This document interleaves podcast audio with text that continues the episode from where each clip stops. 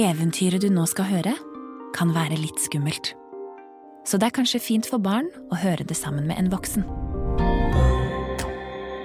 En julefortelling basert på Charles Dickens' klassiske fortelling. Oversatt av Harald Mæle. lest av Mats Austad.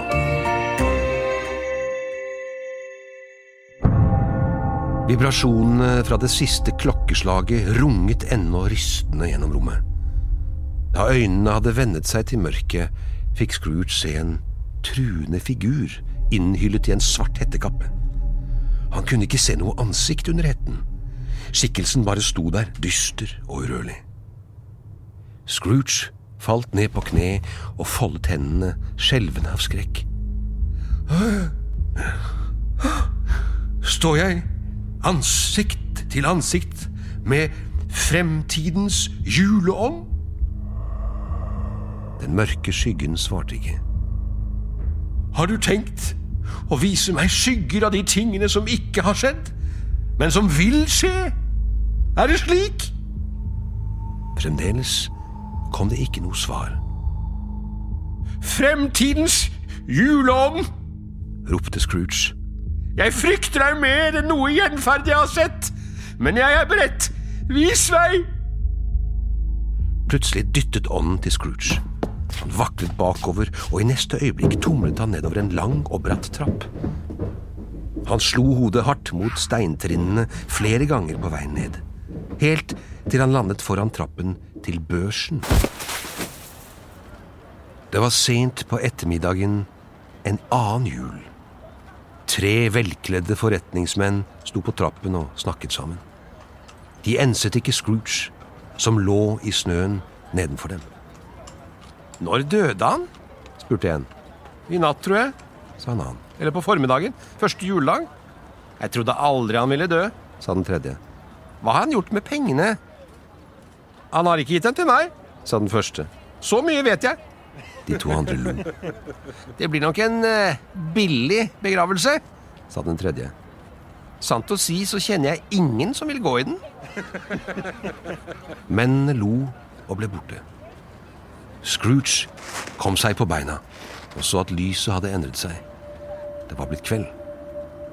Ånden kom bort til ham. Uten et ord pekte den med en lang, mager finger. Scrooge snudde seg med bange anelser og fikk se en likvogn som ventet i den andre enden av gaten. Det var den samme svarte vognen som hadde kjørt bort liket til Jacob Marley. To svarte hester stampet truende mellom skjekene. Scrooge rygget bakover, skjelvende av frykt. Den mørkkledde ånden snudde seg brått og pekte rett på Scrooge. De svarte hingstene kom galopperende. Scrooge løp for livet, men tøflene var glatte på snøføret, og han skled bortover brosteinene. Bak ham dundret likvognen nærmere og nærmere. Han kom til å bli knust under de massive hovene til hestene. Mens han løp, oppdaget Scrooge til sin skrekk at han ble mindre. Rundt ham ble husene stadig høyere, og brosteinene ble bredere og bredere. Men likvognen var stadig like bak ham. Den øredøvende klapringen av hestehovene rullet mellom husveggene som torden. Da han var på størrelse med en mus, stupte Scrooge inn i et avløp for å komme seg unna. Han holdt pusten mens vannet virvlet og bruste rundt ham. Avløpet spyttet ham ut igjen i friluft, øverst på et isete møne. Og han skled redningsløst utenfor det bratte taket. Med et redselsskrik stupte han utfor kanten og falt ned mot den kalde, harde gaten nedenfor. Nede på fortauet kom en gammel dame stavrende med en tung bylt over skulderen. Med et dunk landet Scrooge i den fillete bylten på ryggen hennes. Han var nå på størrelse med et fingerbøll, og han gravde seg ut av det mugne stoffet for å se. Han hørte knirkingen i en butikkdør som åpnet og lukket seg bak henne. Det var en fillekremmersjappe som kjøpte og solgte gamle filler. Scrooge falt ned på gulvet da kvinnen slengte fra seg bylten. I lyset fra peisen kunne han se sin egen skygge på veggen. ved siden av den store, truende skyggen til spøkelset. Kvinnen sa et eller annet til kremmeren om å ta ned sengeforhenget hos en død mann. Hun trakk opp en skjorte og viste ham. Se her. Det var den beste han hadde. Og de hadde kastet den. Hadde det ikke vært for meg. Scrooge så opp på skjorten. Den så fryktelig kjent ut. Noen hadde vært dum nok til å ta den på ham til gravferden. Fortsatte hun. Men jeg tok den av igjen og trakk på ham en gammel en av bomull. Hun ristet på hodet. Han skremte alle vekk mens han levde. Hadde, han hatt noen til å passe seg da han lå der for døden, istedenfor å trekke sitt siste sukk mutters alene, så hadde vi aldri hatt disse tingene å selge. Scrooge vendte seg mot ånden og foldet hendene som i bønn. Juleånd, ropte han. jeg skjønner, jeg skjønner. Situasjonen for denne ulykkelige mannen som dør en ensom død alene, kunne vært min egen. Livet ser slik ut nå. Den magre spøkelseshånden svevde ned og grep ham. Da Scrooge åpnet øynene igjen, sto han i et nakent rom opplyst av en strime av lys.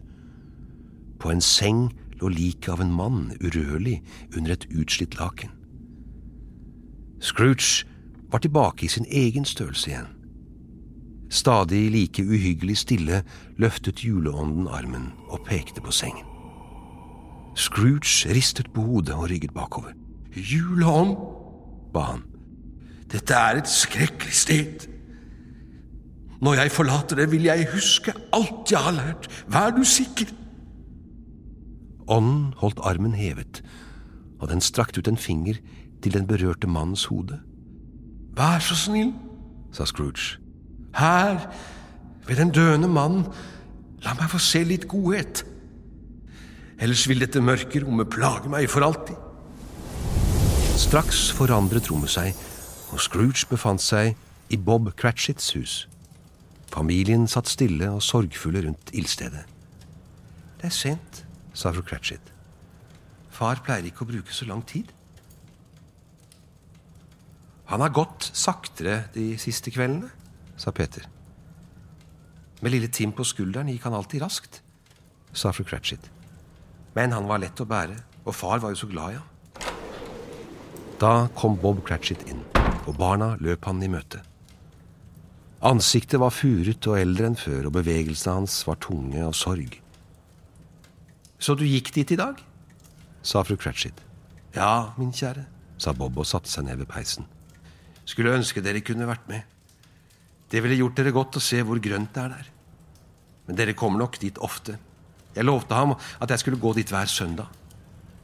Stemmen brast, og han begynte å gråte. Og barnet mitt.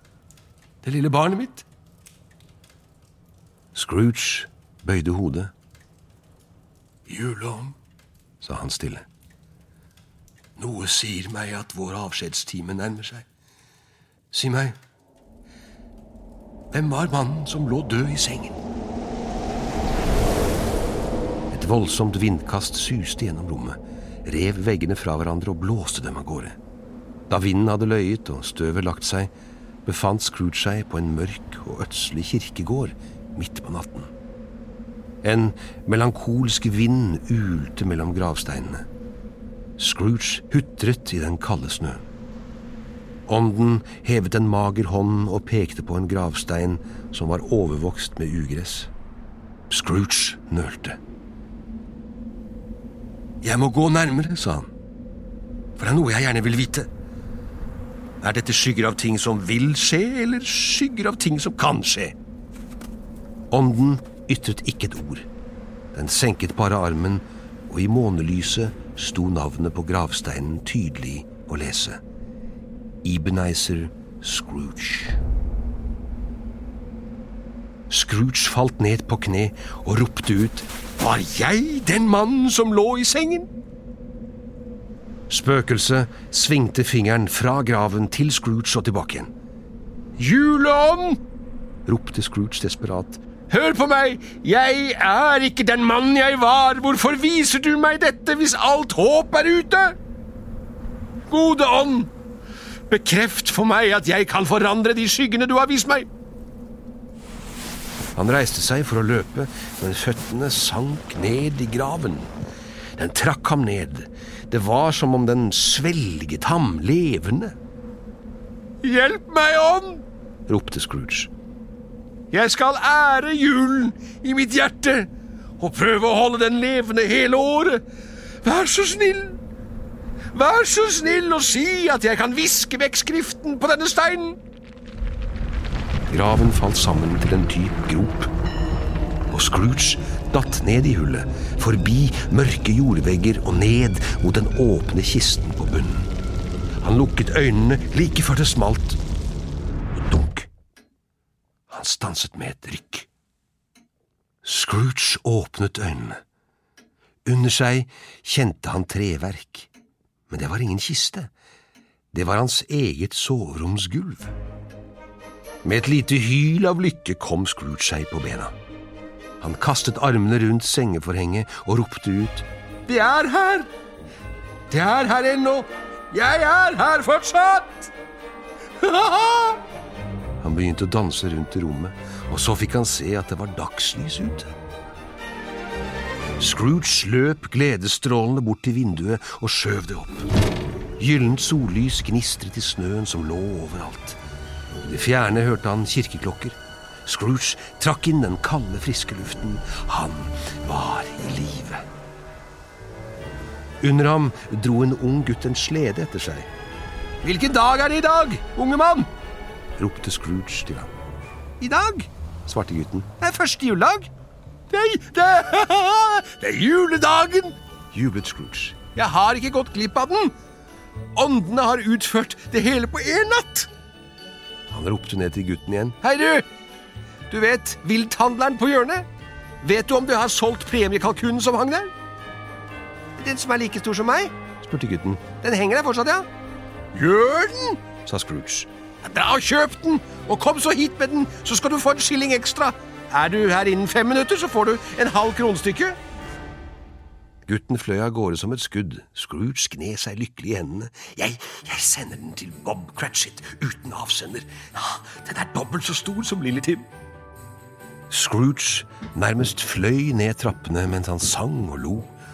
Han slengte ytterdøren på vidt gap og ropte Gledelig jul! ut i gaten. Så kysset han dørhammeren, den som hadde minnet han om Jacob Marley, og startet hele dette gyslige eventyret. Da gutten kom tilbake, trekkende med vilthandleren og kalkunen, betalte Scrooge for en vogn som skulle kjøre den til Cratchit-huset. Senere strenet han bortover gaten til kirken, iført sine fineste klær, mens han ropte julehilsener til alle han så, og puttet mynter i koppene til korsangerne. Samme kvelden troppet han opp hos sin nevø Fred. Han var engstelig for ikke å være velkommen, men Freds kone ga ham en varm klem, og Fred Fred ristet hånden hans så kraftig at han nesten snublet. Det var vidunderlig mat og masse latter, og Ebenezer Scrooge hadde den festligste julen han kunne huske. Neste morgen kom Bob Cratchit 16 minutter for sent på jobb. Han smøg seg inn og skyndte seg bort til krakken sin, men Scrooge hadde ventet på ham. Cratchit! Brølte han inne fra kontoret. Hva mener du med å komme her på denne tinnadagen? Jeg, jeg, jeg beklager, sør, sa Bob og kom bort til døren. Vi kan ikke ha det slik lenger, ropte Scrooge. og derfor Så tenker jeg å heve lønnen din! Og så måtte han bare le. Bob Cratchit trodde ikke sine egne ører. Var sjefen blitt gal? Hva var skjedd med den gamle gjerrige gnieren Scrooge? Gledelig jul, Bob! sa Scrooge og klappet ham på skulderen. En bedre jul enn jeg har gitt deg på mange år. Jeg vil heve lønnen din og gjøre alt jeg kan for å hjelpe familien din. Så ga han Bob en håndfull mynter og ba ham skaffe dem mer kull, så det ble varmt på kontoret. Bob ble helt sjokkert, og da han tittet inn av vinduet ute på fortauet, ble han enda mer forvirret. Herr Scrooge danset rundt. Og Scrooge var mann for sitt ord. Han gjorde alt det han hadde sagt, og mer til. For lille Tim, som ble frisk igjen, ble Scrooge som en far nummer to. Og han ble en like god venn, en like god sjef og et like godt menneske som noen annen i hele London noensinne. Og det ble alltid sagt om ham at Scrooge, han visste sannelig hvordan en jul skulle feires. Som lille Tim ville sagt det, Gud velsigne oss, alle sammen.